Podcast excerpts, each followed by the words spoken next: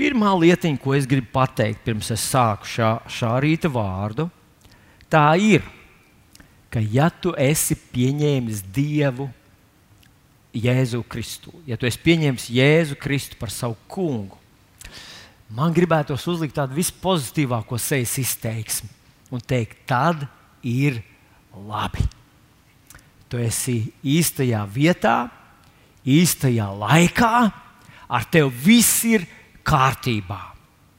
Un paklausies, es pateikšu tādu, nebiju iepriekš padomājis, bet man, man tādu vecu, vecu citātu pateikšu. Senu citātu. Jā. Un tas citāts ir tāds: Pat ja tu pieņemsi Jēzu Kristu par savu kungu, visu citu savā dzīvē salaistu dēlī.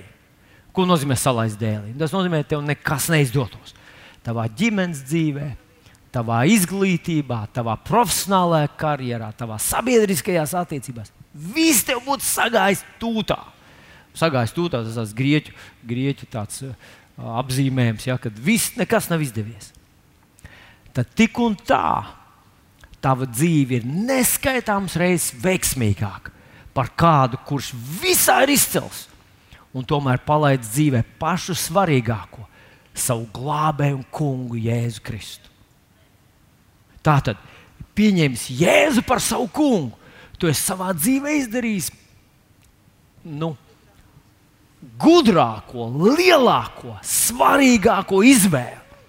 Un es tevi apsveicu, es tevi ar to apsveicu. Ja tev kāds ir rokas stiepienā atstāvumā, sasit ar viņu dūrīs, pasakot, Vilnis tevi apsveic, ar tevi viss. Tu esi pareizā vietā un pareizā laikā.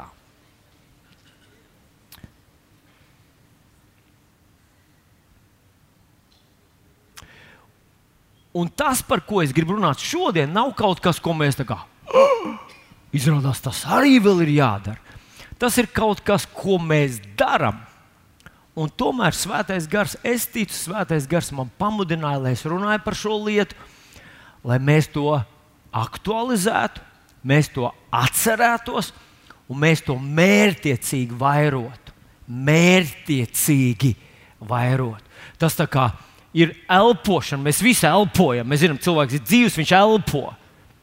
Bet ir, ir tāds īpašs elpošanas vingrinājums vai elpošanas, kad tu piedomā pie tā, ko tu dari, lai to darītu īpaši pareizi. Un tas ir tas, par ko mēs šodien runājam. Mēneša pirmā svētdiena ir tā reize, kad ģimene, kad paplašināta draudzes ģimene sanāk kopā, un mēs runājam par ļoti būtiskām lietām, bez tāda varbūt tāda sīrupa un mākslīgiem saldinātājiem, tā kā tas ir.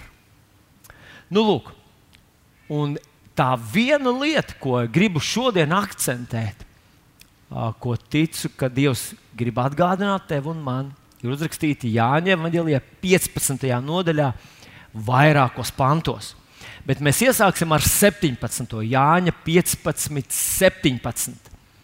Un tur Jēzus izsaka vārdus, kas varētu mums likties nu, tā tādi, nu, nu, kādreiz atrodoties dievnamā un atrodoties tādā tradicionālā kristietībā, mums liekas, ka, nu, ka viņi tā kā Jēzum nepiestāv.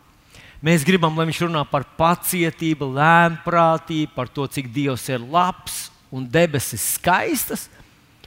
Bet šajā vietiņā Jēzus saka, tā ir mana pavēle, lai jūs mīlētu citu citu.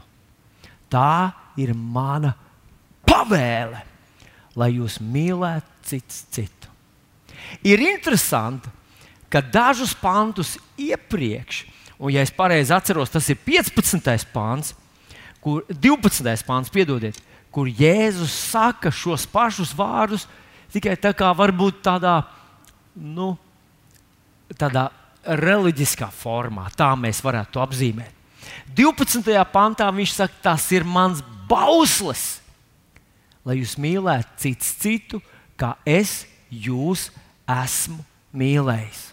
Tātad 12. pantā jāsaka, tas ir mans bauslis, lai jūs mīlat citu citu, kā es jūs esmu mīlējis. Un pēc tam piecus pantus vēlāk Viņš saka tā, lai to nu, pat pat cilvēkam, kuram grūti uztvert lietas, cilvēkam, kurš ir tendēts palaist garām. Cilvēkam, kurš varbūt kā, pēc savām sajūtām vērtē visu kaut ko. Ja es labi jutos, tad tas ir kaut kas labs. Ja es jūtos slikti, tad tas nevar būt nekas labs. Bet kā mēs zinām, šo axiomu, ko kādreiz cilvēki uzskatīja, ka tā ir axioma, ja es jūtos, ja kaut kas man sagādā tik patīkamas sajūtas, tas nevar, ne, nevar būt nekas slikts. Bet mēs zinām, ka ir lietas, kuras ir absolūti nāvējošas, un tomēr sagādā cilvēka vismaz ķermenim patīkams sajūtas. Tātad Jēzus vēlreiz saka to domu. Tā ir mana pavēle lai jūs mīlētu citu. Manā izpratnē Jēzus uzskata, ka nebūs neviena cilvēka, kurš to noignorēs. Un, protams, viņš nerunā par neticīgo pasauli, viņš runā par mums, Dieva bērniem, par Kristus mācekļiem. Jo turpat Jāņa Evanģēlijā, 13. nodaļā, 35. pantā, viņš saka tādus vārdus: No tam visi pazīs, ka jūs esat mani mācekļi, ka jums ir mīlestība savā starpā. No tā visi pazīs, kur ir tie visi. Vai iekļaujot arī mani pašu, vai es arī pats sevi varu uzskatīt par īstu Jēzus mācekli vien tad,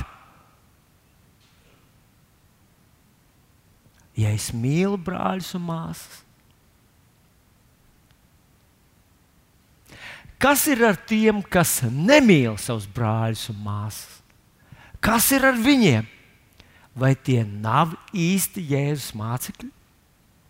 Un es šodien uzdrošinos apgalvot, ka ja tu savā sirdī nejūti ne mazākās simpātijas, un šī Jēzus pret Jēzus draugu, pret kristiešiem, un tev tas ir kā asinis pa degunu, tev jāmīl, tas ir tā tāds briesmīgs, smags sloks un nepanesams uzdevums, tad es gribētu tev jautāt, vai tu tiešām esi pieņēmis Jēzu par savu kungu un glābēju?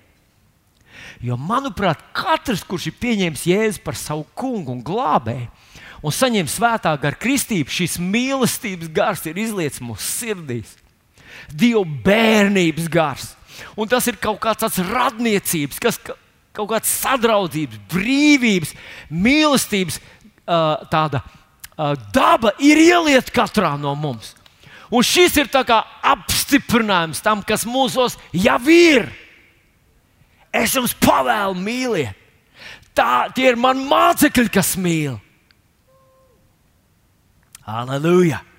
Cik tas ir brīnišķīgi, ka esam pieņēmuši Jēzu par savu kungu. Manuprāt, Jāņa Evangelija 15. nodaļas no 17. panta un uz priekšu. Es druskuļi palasīšu šo raksturvietiņu. Viņa mums mazliet ilustrē, kāpēc ir tik svarīgi, lai šī mīlestība draudzē starp brāļiem un māsām.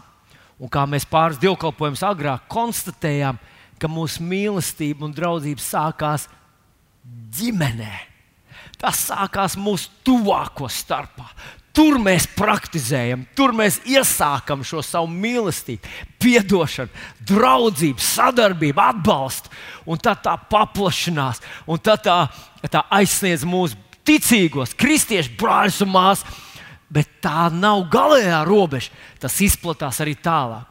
Un mēs par to arī redzēsim. Bet paskatieties, kas ir uzrakstīts Jāņa Evanģelijā 15. nodaļā, tālāk pēc 17. panta kad pasaule jūs ienīst. Ziniet, viņa mani pa priekšu ir ienīdusi. Vai pasaule mūs ienīst? Vai pasaule mūs ienīst? Es iedomājos, nu, stāties priekšā, iet kaut kāds tāds intelektuāls saruna kaut kur, un pēkšņi tu tur esi pa vidu, Un tu sāc runāt par Jēzu, par Dieva mīlestību, par glābšanu, par grēku piedošanu. Manuprāt, tev lēnītēm tā delikāti ietīs un atsēdinās un apklusinās. Jo tu ar to tur savu to vēsti var būt visādu novirzienu un visādu reliģiju cilvēki. Bet tikko tu atnāksi ar Dieva mīlestību, ar Dieva radīšanas un glābšanas plānu, tu visiem kāps uz varžacīm un nevienam īsti nebūs ar tevi pa ceļam. Un es uzdrošinos apgalvot, ka tas laiks, uz kuru mēs dodamies, arī visi šie globālie procesi ar to pandēmiju un tā tālāk, lēnām kaut kā nemanot nostādīs kristietādi. Es runāju par patiesu Kristus mācekli, nostādīs viņu tādā ļoti nērtā un politiski nekorektā vietā. Un tas, ko mēs te lasām, kad pasaule jūs ienīst, iespējams pēc dažiem gadiem būs vēl skaidrāk redzams nekā tas ir šobrīd. Tā kā Jēzus pasaule jūs ienīst. Ja jūs būtu no pasaules, pasaule mīlētu tos, kas viņai pieder. Bet tā kā jūs nesat no pasaules, bet tā kā jūs nesat no pasaules, mums kādreiz tā gribas iz, izlikties, it kā mēs esam viens no, no viņiem. Jūs neesat no pasaules, bet es jūs esmu izredzējis no pasaules. Tad pasaule jūs ienīst. Atcerieties manus vārdus, ko es jums sacīju. Kalps nav lielāks par savu kungu. Ja viņi mani vajājuši, ja viņi mani vajājuši, viņi vajās arī jūs. Jo viņi manus, ja viņi manus vārdus ir turējuši, viņi turēs arī jūsējos. Bet to visu viņi jums darīs mana vārda dēļ, tāpēc ka viņi nepazīst to, kas mani sūtīs. Man radās tāda, tāda ģenerāla bilde, tāda kopēja bilde, ka viens patiesa īsts Dieva bērns atrodoties tur ārpusē, savā misijas laukā, savā, uh, sav, savā vietā, kur Dievs viņu ir nolicis. Viņš sastopas ar tādu neiecietību, atraidījumu un pat ienaidu. Bet atnācis starp saviem brāļiem un māsām vai darba biedriem, viņš sajūtās mīlēts un novērtēts. Tam tā vajadzētu būt. Tam tā vajadzētu būt. Nu, kas tad ir tā mīlestība? Nu, mīliet viens otru. Kas tā tāda ir? Vai mīlestība nozīmē, ka man ir jākļūst par galvenieku sava brāļa lēmumiem un visiem, visiem līgumiem, kurus viņš noslēdz? Es uzdrošinos teikt, ka tā tas nav jāsaprot. Ka visdrīzāk šī mīlestība ir tāda pozitīva sadarbība. Pirmā Jāņa vēstulē, pirmajā nodaļā. Jānis raksta, ja nemaldos, tas bija 8. pāns, kur viņš saka tādus vārdus, vai 7. pāns, vai 5. Viens no tiem pantiem tur bija, kur viņš saka tā, ja mēs staigājam gaismā, kā viņš ir gaismā, tad viņš saka, mums ir sadraudzība savā starpā. Un viņa dēla Jēzus asins šķīst mūs no visas netaisnības mīlestība manā izpratnē ir sadraudzība, sadarbība, tā bibliska, kristīga sadarbība un atbalsts, kuriem būtu jābūt ar brāļiem un māsām. Jā, bet varbūt kāds varētu teikt, Vilni, tu zini, man tā kā nav tāds, es esmu latviečs, es esmu tāds vienpatis, es esmu introverts. Es tāpat kā tu sapņoju bērnībā, ka būšu mežsargs Dievs, mežs un daba man neko vairs nevajag. Uz raudzes nāk tāpēc, ka nav citas iespējas.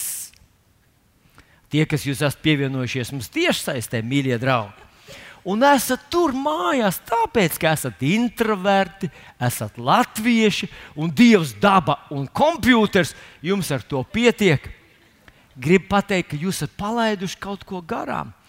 Tie, kas staigā gaismā, viņiem vajag sadraudzību, īstu dzīvu sadraudzību ar Dieva bērniem. Un mēs nākam šurp ne tikai sevis dēļ, ne tikai tāpēc, ka Jēzus tā mācīja, lai mēs nākam kopā, bet arī tāpēc, ka mums pietrūks mūsu brāļu māsu, viņi ir daļa no mums. Jēzus vārdā. Aleluja! Tā kā, jā, es zinu, ka caur internetu neaiziet, bet te ir vētraini aplausi. Tā kā, ja vien tev ir iespēja fiziski būt mūsu vidū, mums te vēl ir brīvi krēsli, un tu vari mums pievienoties nākamajā svētdienā, vai nu pulkstenis 9 vai 11 no rīta. Tā tad sadraudzība. Man vajag sadraudzību. Mums vajag sadraudzību. Dievs bija paredzējis, ka tev nepietiks tikai ar sevi un Dievu, ka tev vajag šos brāļus un māsas.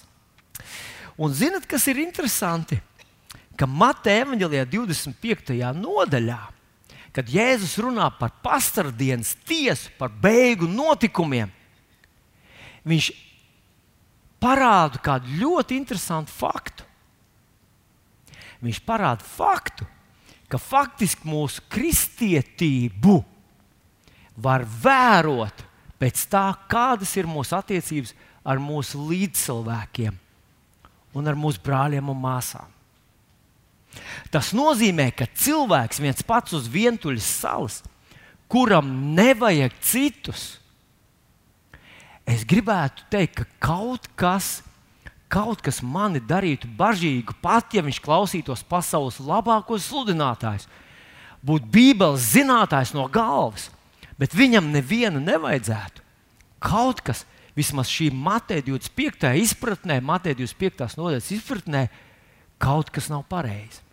Nu, ko tad mēs te lasām? Mateja 25, no 38 līdz 46.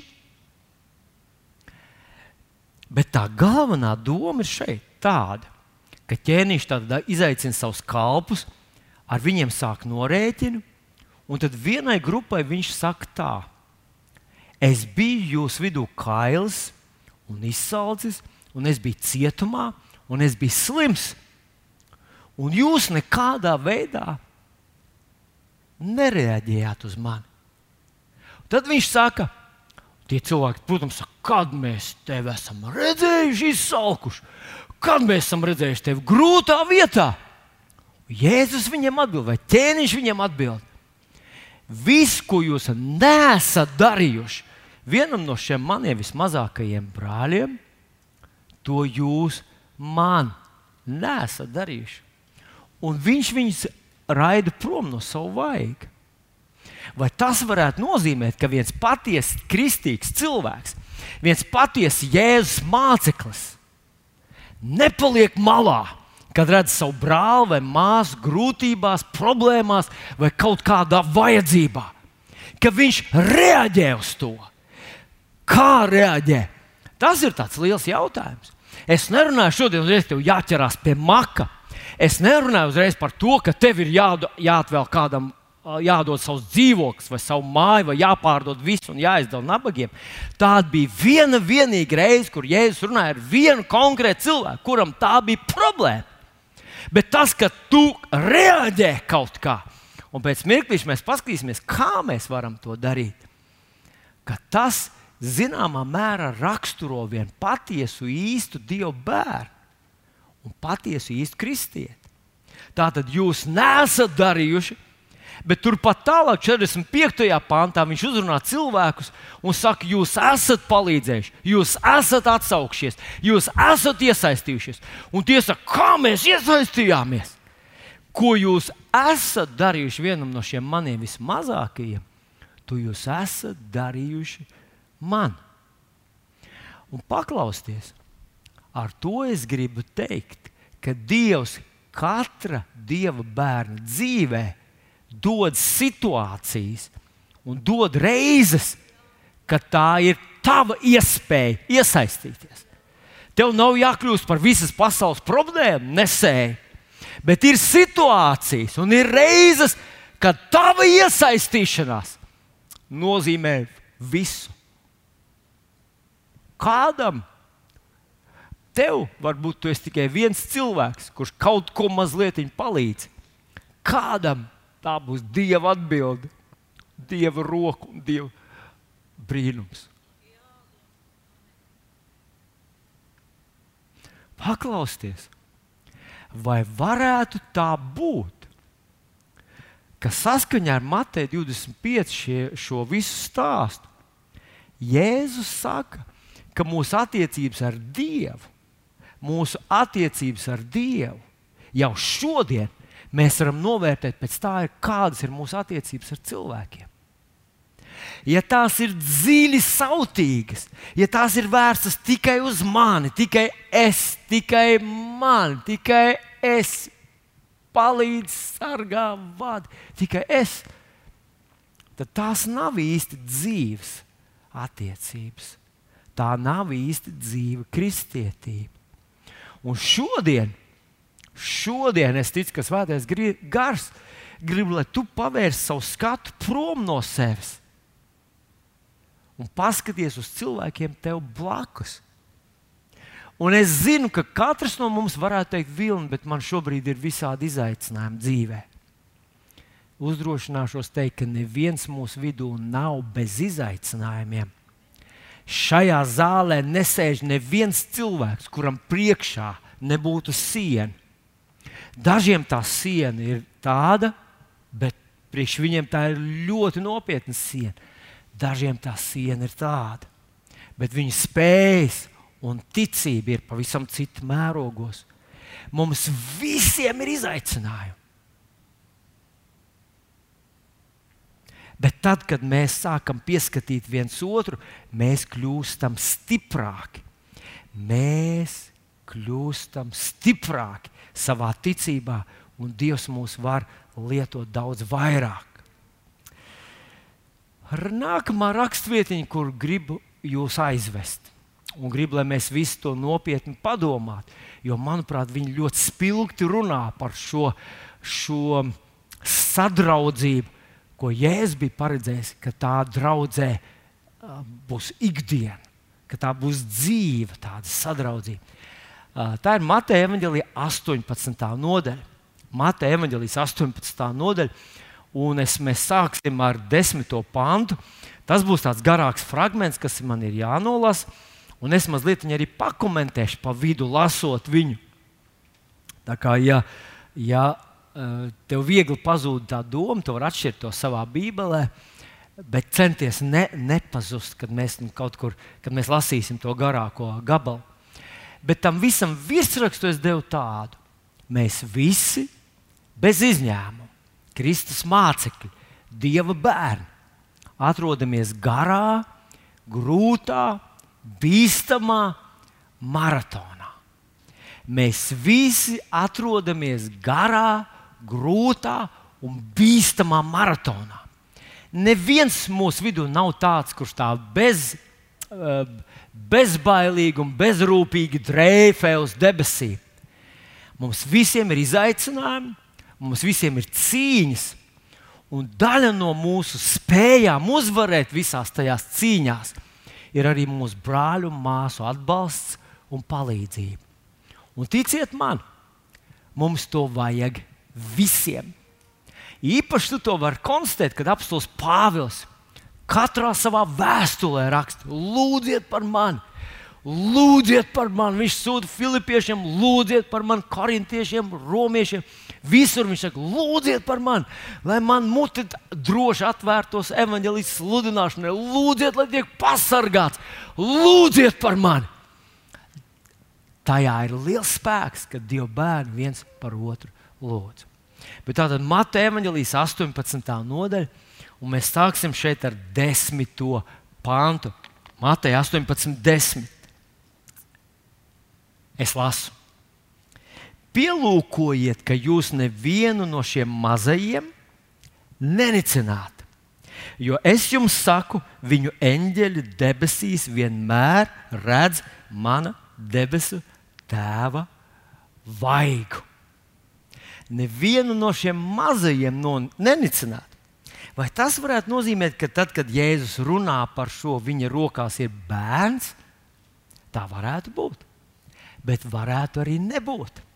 Varbūt viņš vienkārši domā par, ziniet, par mums cilvēkiem, jo savā spējās un varēšanās mēs esam dažādi.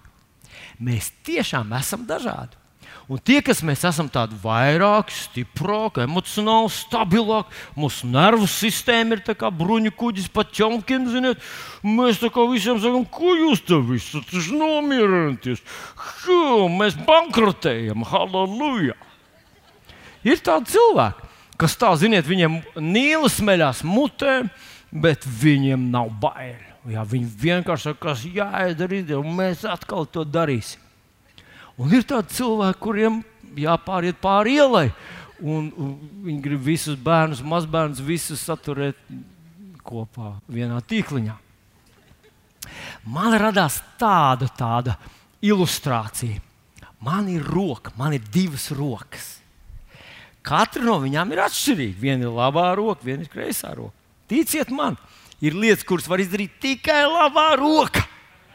Un kreisā roka viņa tā kā Bet jūs zināt, kad es sasitu pirkstu kreisajā rokā, es nesaku, ka tu jau esi tikai kreisā roka, man te neinteresē. Labā ir mana galvenā roka. Nē, man sāp kreisās rokas sasitumi tikpat ļoti kā labās. Bet nu paskatīsimies uz plaukstu. Plauksta sastāv no pieciem pirkstiem. Tev arī ir pieci pirksti. Tev var būt 25, tad tev ir vieglāk. Man ir tikai pieci. Un es konstatēju, ka te absolūti nu, diskriminācija plaukstā. Jo pamatā visu smago darbu izdara trīs pirksti. Trīs lielie galvenie pirksti iznes visu smagumu. Un tad viņiem priekšā ir mācītājs, kas ir e, uh, īkšķis. Īkšķis, ziniet, visus mācīt, kas jādara. Un tad, kad kaut kas tiešām ir jādara, viņš saka, nu, vai veči saņemās, un tie veči tagad. Un īkšķis saka, es jūs atbalstu. Un viņš tā kā uzmetās pa virsmu. Īkšķis parasti neuzņemās to lielo kaut kādu smagumu. Viņš saka, no nu, vai, un tad es jums palīdzēšu. Ziniet, kas ir interesanti? Kad mēs ar, ar Līgu apprecējāmies, mēs kādreiz kaut ko pajokojamies un kaut ko tur mazliet. Un tad viņi man, sāc, viņi man brīdināja. Es visu bērnību ar saviem uzaugu starp brāļiem, un es lieliski māku sev aizstāvēt. Un tad viņi savilka dūris šitā, viņi ielika īkšķus iekšā un uzlika, uh, uzlika pirkstus virsū. Viņi man rādīja, kā viņi tur tos brāļus ir dzenājusi pa māju un tā tālāk. Visi, un tā tālāk. Un es uz viņu skatos, un es domāju, pirmā reize, kad viņi man gribēs iesist, viņi pats sev nodarīs sāpes. Jūs saprotat, īkšķis tur iekšā, tā ir trauma. Pirmais sitiens un īkšķis izlaiks no locītavas te vārā. Un es pirmais, ko es sāku viņai mācīt, ka nākamais, kad tu man gribi sist, nekādā gadījumā neliec īkšķi iekšā. Īkšķim jābūt pa virsmu. Tā kā ja jūs redzat, līga ļoti profesionāli boxējās, tad tas ir nu, jaunības pieredze plus mana skola.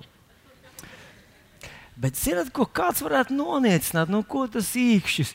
Viņš jau tikai iedrošina, viņš pats nekur nepiedalās. Nu, viņš tā kā mācītājs stāv visiem priekšā. Bet pamēģiniet kaut ko izdarīt bez īkšķa. Un es lasu Bībelē, ka bija viens liels valdnieks, kurš visus karaļus, kurus viņš iekaroja, atved viņus uz savu galmu un nocirta viņiem īkšķus un tad met viņam ēdienu zemē. Viņa savu ēdienu dabūja uzlasot to no zemes bez īkšķiem. Plauksta bez īkšķa. Ar, visi, ar lieliem, stipriem trim pirkstiem vairs nav tā plauksta. Katram ir sava vieta.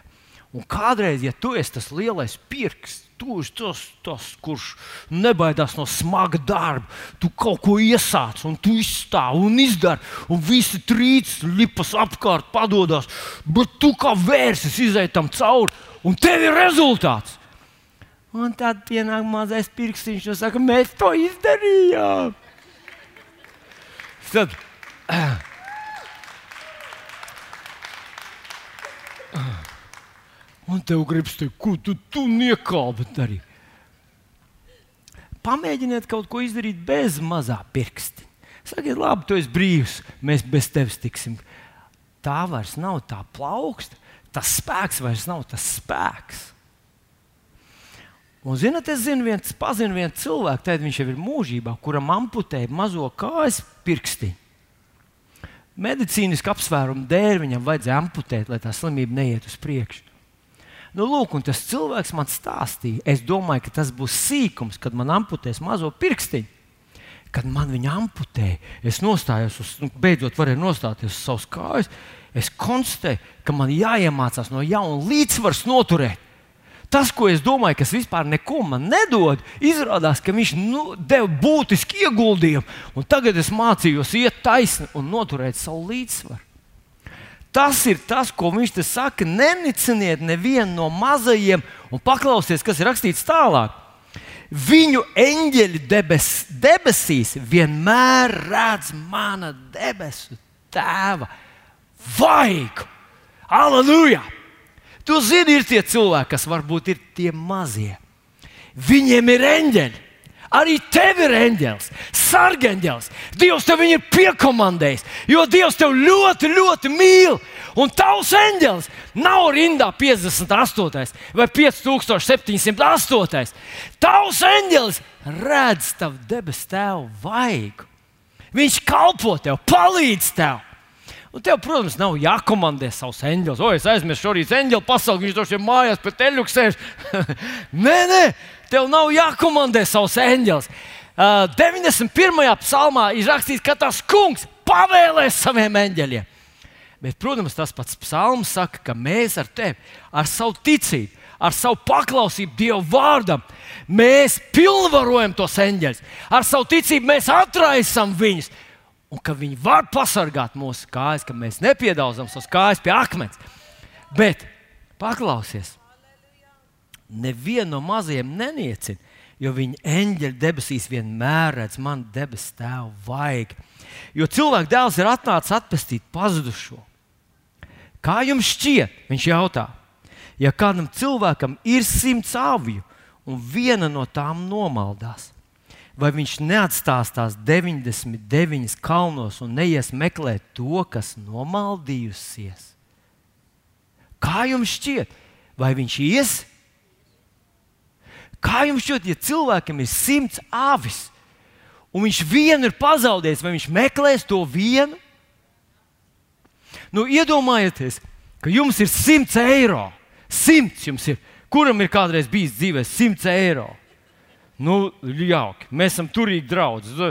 Tas baumas klīst pa visu pasauli. Jā. Mēs esam bagāto draugi. Mums visiem ir bijis 100 eiro. Un tu vienu eiro pazaudē. Un zini, kur pazaudē? Vai tu ietu viņu meklēt? Kurš ietu meklēt to vienu eiro? Kurš neietu meklēt? Man ir simtnieks kabatā, un es neietu. Pats līdz rokas, kurš neietu meklēt. Jā, ir daži cilvēki, kas neiet. Droši vien, ka jums ir kur paņemt vēl otru simtnieku. Tāpēc jūs neiet un meklējat. Ziniet, es pēc sevis, ja vērtēju, es ietu meklēt. Simts bez viena nav simts vairs. es ietu meklēt to vietu. Un Jēzus saka, ka Dievs ir tieši tāds pats. Viņam ir tūkstoši cilvēku draudzē, piemēram, bet viens pazūd, un viņš iet viņu meklēt. Protams, ka mēs zinām, ka šodien Dievs to dara caur savu svēto garu, bet ne tikai. Viņš to gribētu darīt arī caur kādu cilvēku. Un tālāk, paskatieties, ko viņš saka. Un, ja viņam laimēs to atrast, patiesi es jums saku, viņš vairāk priecājas par to nekā par tām 99, kas nav nomaldījušās vai tas nozīmē tie, kas tā uzcītīgi, neatlaidīgi, konsekventi ir Dieva bērni. Viņi neatkrīt, neuzdod, neviļās, nepadodas, nesalūst. Kad Dieva acīs viņi mazāk vērtīgi kā tāds, kurš visu laiku ik pa laikam krīt un ceļās, krīt un ceļās, krīt. Nē, noteikti nē. Un tomēr Dievam ir prieks par cilvēku, kurš atgriežas. Un viņš te saka tālāk, runā tieši par to, ka tev un man, cilvēkiem, kuri mīl Dievu, mīl savus brāļus un māsas, cilvēkiem, kur kristietība ir īsta, ka tu redz kādu, kurš ir atkritis, kurš ir pakritis, Mēs nevaram viņu palaist prom, teikt, ah, nu jā, no atkrišanas laiks tuvojas. Mēs ejam viņu uzmeklēt. Nu, re, kur mēs lasām 15. pantā. Bet, ja tavs grāls, brālis grēko, noej un pamāc viņu zem četrām acīm, kad viņš tev klausa, tu savu brāli esi mantojis. Skaties, brālis grēko, tu viņu pamāci. Brālis grēko. Tu nevienkārši viņam saki, ej, ir jau labi, Dieva žēlastība, Dievs tevi mīl, vienalga, tur es arī tevi netiesāju. Nē, tu pamāci viņu. Es gribētu to salīdzināt ar cilvēku, kurš salasīs mušmiru savā groziņā, un tu to redzi. Tu taču riskēs ar savām attiecībām un teiks, draugs, tas, ko tu esi izdarījis, nekam nedara. Tās sēnes ir salasītas, daudz darbs ir liekas, liels, bet tās nekur nedara. Tās iznīcinās te. Vai tas nebūtu cilvēks, kurš mīl? Ko? Skaties, tātad tu savu brāli esi mantojis, ja tu runā, ja viņš neklaus, tu pieeicini vēl vienu vai divus, lai no divu vai triju liecinieku mutes katrs vārds tiek apstiprināts. Ja viņš tiem neklaus, tu saki to draudzēji. Bet, ja viņš neklaus arī draudzēji, tad turi viņu par pagānu un muitinieku. Kad kāds atnāk pie tevis un saka, ka tas, ko es redzu tavā dzīvē, es tev netiesāju, es cenšos tev palīdzēt, tas nav pareizi. Jēzus nepriecājas par to. Ar to tu nepagodini Jēzu. Ar to tu, tu pagriezies citā virzienā. Uzklaus katru tādu cilvēku. Jo tas cilvēks ir pārkāpis sev pāri. Mūsu modernā, mūsdienu kultūra paģēra uzstājīgi paģēra, lai tu klusē. Tā ir cilvēka personīgā dzīve un nav tava darīšana. Bet Jēzus uzstāja, ka tā ir tava darīšana, jo tu mīli to cilvēku. Un tas nozīmē, ka tu redz, ka kāds grēko, tu centies viņam palīdzēt ar mīlestības pilnu sirdi, nenosodot un pazemīgi bet tu centies to cilvēku uzrunāt. Un zinat, ko viņš saka? Tu dari to vienreiz. Ja viņš tev neklausās, tu pieaicini vēl kādu uzticamu cilvēku, runā vēlreiz ar viņu. Un ja viņš neklausās vēl aizvien, tu saki to draudzēji. Kāpēc tu saki to draudzēji? Vai tu gribi, lai visi viņu aprunā, lai visi par viņu smējās un tiesā? Nē, tā ir pilnīgi pretēja koncepcija tam, ko Jēzus šeit māca. Kad mācekļi viņam jautā, uh, kā mums būs lūgt, tad viena no lietām, ko Jēzus ieliek tajos lūgšanas principos, viņš ieliek, piedod mums mūsu parādus. Kā? Kā mēs gribam, lai Dievs mums piedod mūsu parādus? Kā? Mēs gribam pēc viņa lielās mīlestības un žēlastības. Bet Jēzus saka, piedod man tā, kā es piedodu. Ak, Dievs, es negribētu būt dunduks kurš nepiedod kādam cilvēciņam viņa cilvēcīgo vājumu un tādā veidā limitē Dievam piedot man manus grēkus. Es to negribētu izdarīt. Tas ir dumjākais, ko es gribētu izdarīt savā dzīvē. Nepiedot, kā turēt rūkumu pret kādu cilvēku. Tādā veidā ierobežojot Dievu, piedot man manus noziegumus. Un, kad Jēzus beidz šo lūkšanu, viņš vēlreiz atgriežas pie šīs tēmas Viņš saka, kā jūs cilvēkiem viņu noziegums, ja jūs cilvēkiem viņu noziegums nepiedosiet, jūs debesu tēvs. Viņš runā par kristiešiem, par Dieva bērniem. Jūsu debesu tēvs jūsu noziegumus nepiedos. Vai varētu būt tā? Vai varētu būt tā, ka es eju uz debesīm, un man sirds ir pilna rūkuma pret cilvēkiem. Vai tā varētu būt? Es uzdrošinos šodien sist skaļu brīdinājumu zvanu un teikt, mīļais draugs, tas ir pilnīgi pretrunā Jēzus principiem. Jo viņš teica, jo Jēzus teica, ka tu gribi piedot cilvēkiem, tu gribi piedot, jo tev ir piedots, nenormāli, neaptverami, katastrofāli daudz. Un tā ir mana nākošā doma, ko gribu atstāt jums šodien. Un tā ir turpinājums šim Mateja evanģēlīja 18. Nē, piedodiet, mēs jā, 18. nodaļai. Rekur mēs lasām 19. pāntā. Atkal es jums saku, ja divi no, ju, no jums virs zemes ir vienā prātā kaut kādas lietas dēļ, ko tie grib lūgt, tad mans debes tēvs to tiem dos. Vēl aizvien tas konteksts ir par mūsu savstarpējām attiecībām. Par to, ka tu esi redzējis kādu cilvēku, kurš krīt, un tu iestājies par viņu. Un tas ir tas, ko mēs tā slavenā rakstvietiņā, ko mēs bieži citējam, Mateja 18, 18, ko jūs atraisīsiet, būs atraisīts, un ko jūs saistīsiet, būs saistīts. Mums ir vara! Kā viņš saka tālāk, 20. pantā, kur divi vai trīs sapulcējušies manā vārdā, tur es esmu viņu vidū. Mums ir vara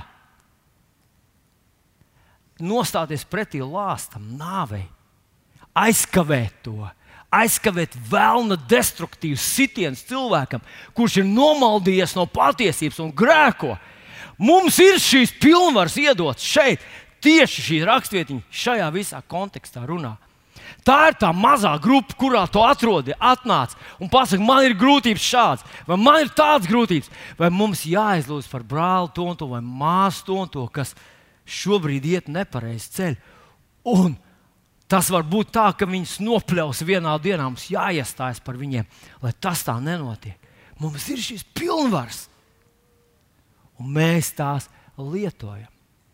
Mīļais draugs, ja tu esi mazajā grupā, Tas ir Kristus princips.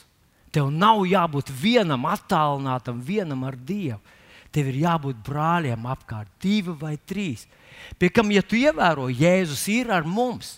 Viņš teica, es jūs neatstāšu un nepametīšu. Bet kur viņš saka, jūs divi un trīs kopā manā vārdā, tur viņš saka, es esmu ceturtais starp jums. Viņš tā kā saka, ir īpaši svētība, īpaši kaut kāds īpaša, ap, īpaša apsolījums šajā brāļu māsu sadraudzībā. Un nepaliec lūdzu viens. Ziniet, ko es gribētu izdarīt tagad? Šajā rītā, šeit, es palūgtu piecelties visiem tiem, kas ir atraduši savu mazo grupu. Vienkārši piecelieties, un, un, un, un mēs gribētu redzēt, tu tos cilvēkus, kas atrodas kādā no mazām grupām.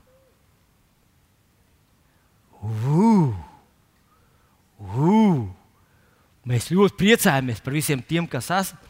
Paskaties apkārt, varbūt tur kāds ir, ko tu labi pazīsti, kur tu vari uzaicināt uz savu grupu. Paldies jums! Paldies! Ļoti jauki! Ļoti jauki! Tie, kas nesat savā mazajā grupā, es zinu, ka tas nav viegli. Es zinu, ka tas latviešu cilvēkam introvertam ir pagrūti. Bet zinat ko? Kad jūs sapratīsiet, ka tas ir ielikts jūsu DNS, šī sadraudzība ar citiem brāļiem un māsām, tur jāpieliek piepūle. Jūs to atradīsiet, nu redzēsiet, ka tā ļoti jūs svētīs, šī sadraudzība ar citiem.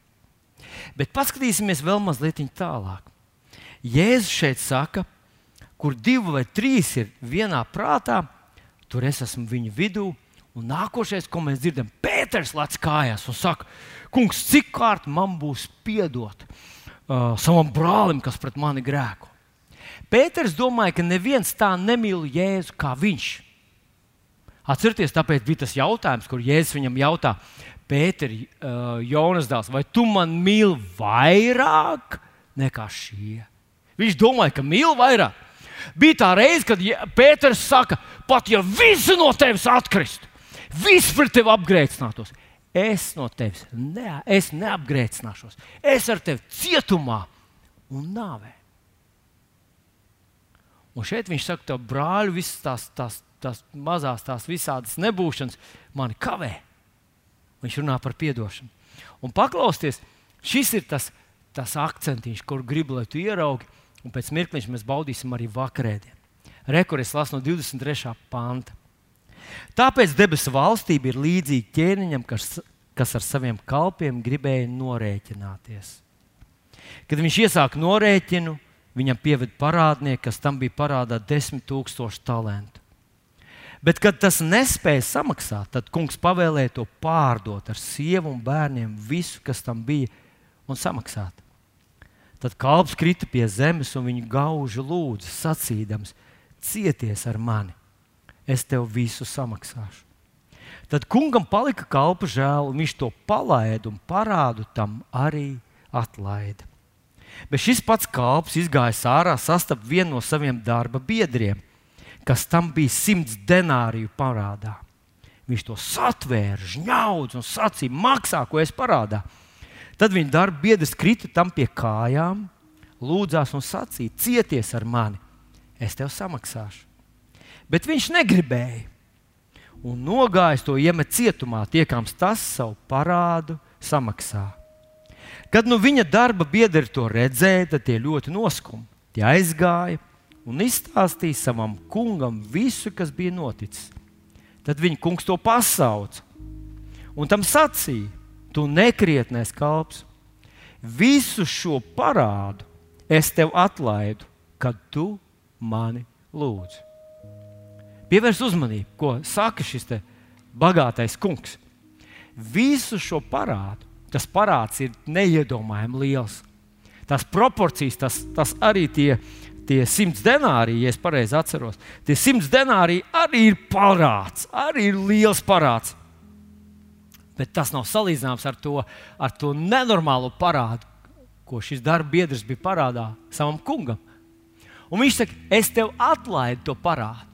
Iedomājieties, tavs kredītu reģistrā tur ir milzīgs cipars. Un vienā dienā tu no tā esi atbrīvots. Viss, tur ir nulle. Tu neesi parādā nemaz. Tā ir. Katrs, kurš ir bijis kredīta parādu jūgā, zina, kāda tā ir brīvlaišana. Es tev atlaidu, viņš saka. Vai tad arī dzan tev nebija apžēloties par savu darba biedru? A, a, par savu, kā es par tevi esmu apžēlojies? Un viņa kungs apskaitās un nodeva to mocītājiem, kamēr tas samaksā visu, ko viņš tam bija parādā. Un tad paklausies Jēzus vārdu. Tie ir Jēzus vārdi, kurš viņš saka saviem mācekļiem. Tā arī mans debes tēvs jums darīs, ja jūs ik viens savam brālim no sirds nepiedosiet. Es varu teikt, ka, hei, man grēki ir piedot, es esmu glābts, es eju uz debesīm, mans vārds ir dzīves grāmatā. Un tas ir tieši tas, ko viņš te saka. Es tev atlaidu to parādu, to nenormālu parādu. Katrs no mums, mēs, kas esam grēcinieki, varbūt neapzināmies savu grēka smagumu, Bet ir ļoti pareizi tas vecais teiciens, ka grēku un parādu vienmēr ir vairāk nekā mēs to jūtam. Dievs mums to visu ir piedevis. Vai mēs varam visu to dabūt atpakaļ uz savu kaklu? Jā, ja mēs esam nepiedodoši pret saviem līdzcilvēkiem ja mēs esam nemīloši pret savu ģimeni, jo mūsu kristietība, mūsu dievu bērnība sākās ģimenē, tad tā izplatās ar vien tālāk, un mēs esam piedodoši, laipni, dāsni. Mēs esam cilvēki, ar kuriem neviens nebaidās darīšanās iesaistīties. Jo mēs esam cilvēki, kas piedod, mēs esam cilvēki, kas rūpējamies par citu labklājību. Tādiem mums vajadzētu būt slaveniem visā pasaulē, kristieši tie ir lēmprātīgākie un dāsnākie cilvēki. Un kādēļ? Ne tāpēc, ka mēs esam bailīgs mazs saitiņš. Nē, būt mazam un ļaunam nav, nav vajadzīgs spēks. Paskatieties apkārt, katru reizi, kad jūs redzēsiet mazu kliepju sunīti. Viņā ir tik daudz ļaunuma un dusmu, kā nav lielā Rotvellerā. Tas lielais Rotvellers var domāt, ko ar tevi darīt. Mazais trīcis savā naidā un ļaunumā būt, būt vienkārši tādam niknam uz visu pasauli, uz valdību, uz, uz covid. Uz... Tu esi mazs čivāla, nekas liels tu neesi. Domā, tu esi varonis, ka tu visam ķeries pie rīklas. Tas nav nekas īpašs. Tieši būt dāsnam, tieši būt mierīgam un laipnam ir ķēnišķīgas kvalitātes. Un tas ir, ko viņš šeit saka.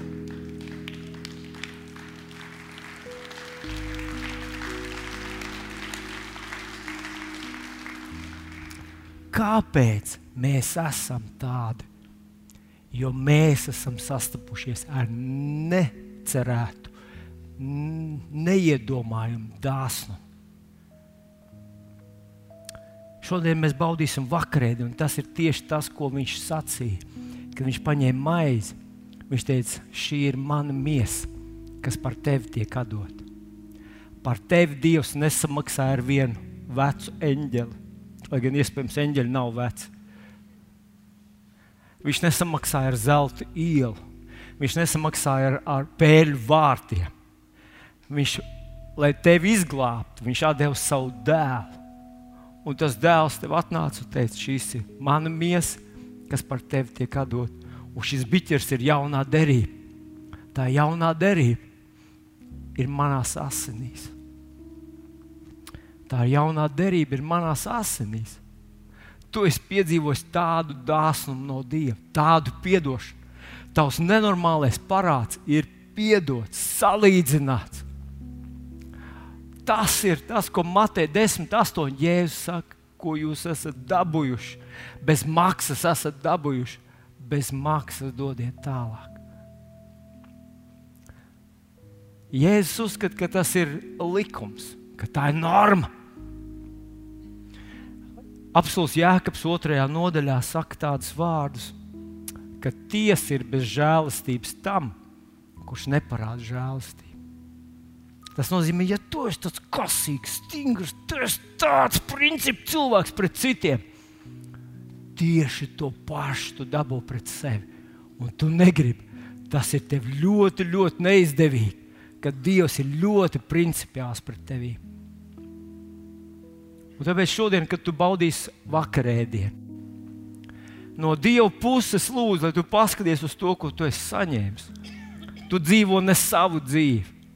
Tev ir izglābuši ne tavu labie darbi, ne tavu kristietību, ne tavu, tavs perfektais, tev ziedojumu vai tavu labie darbi. Nav tev nodrošinājuši to, kas tev ir. Tas ir Jēzus upurs. Viņš tev visu savu mīlestību ir izlējis tev ka tu vispār par to nenojauti, kas tā tāda ir. Un viņš vēlas, viņš pieprasa, viņš saka, ka tas ir tevī, lai tu pagriezies pret saviem līdzcilvēkiem, ar to pašu dalies tālāk. Piedomā, lūdzu, pie tā.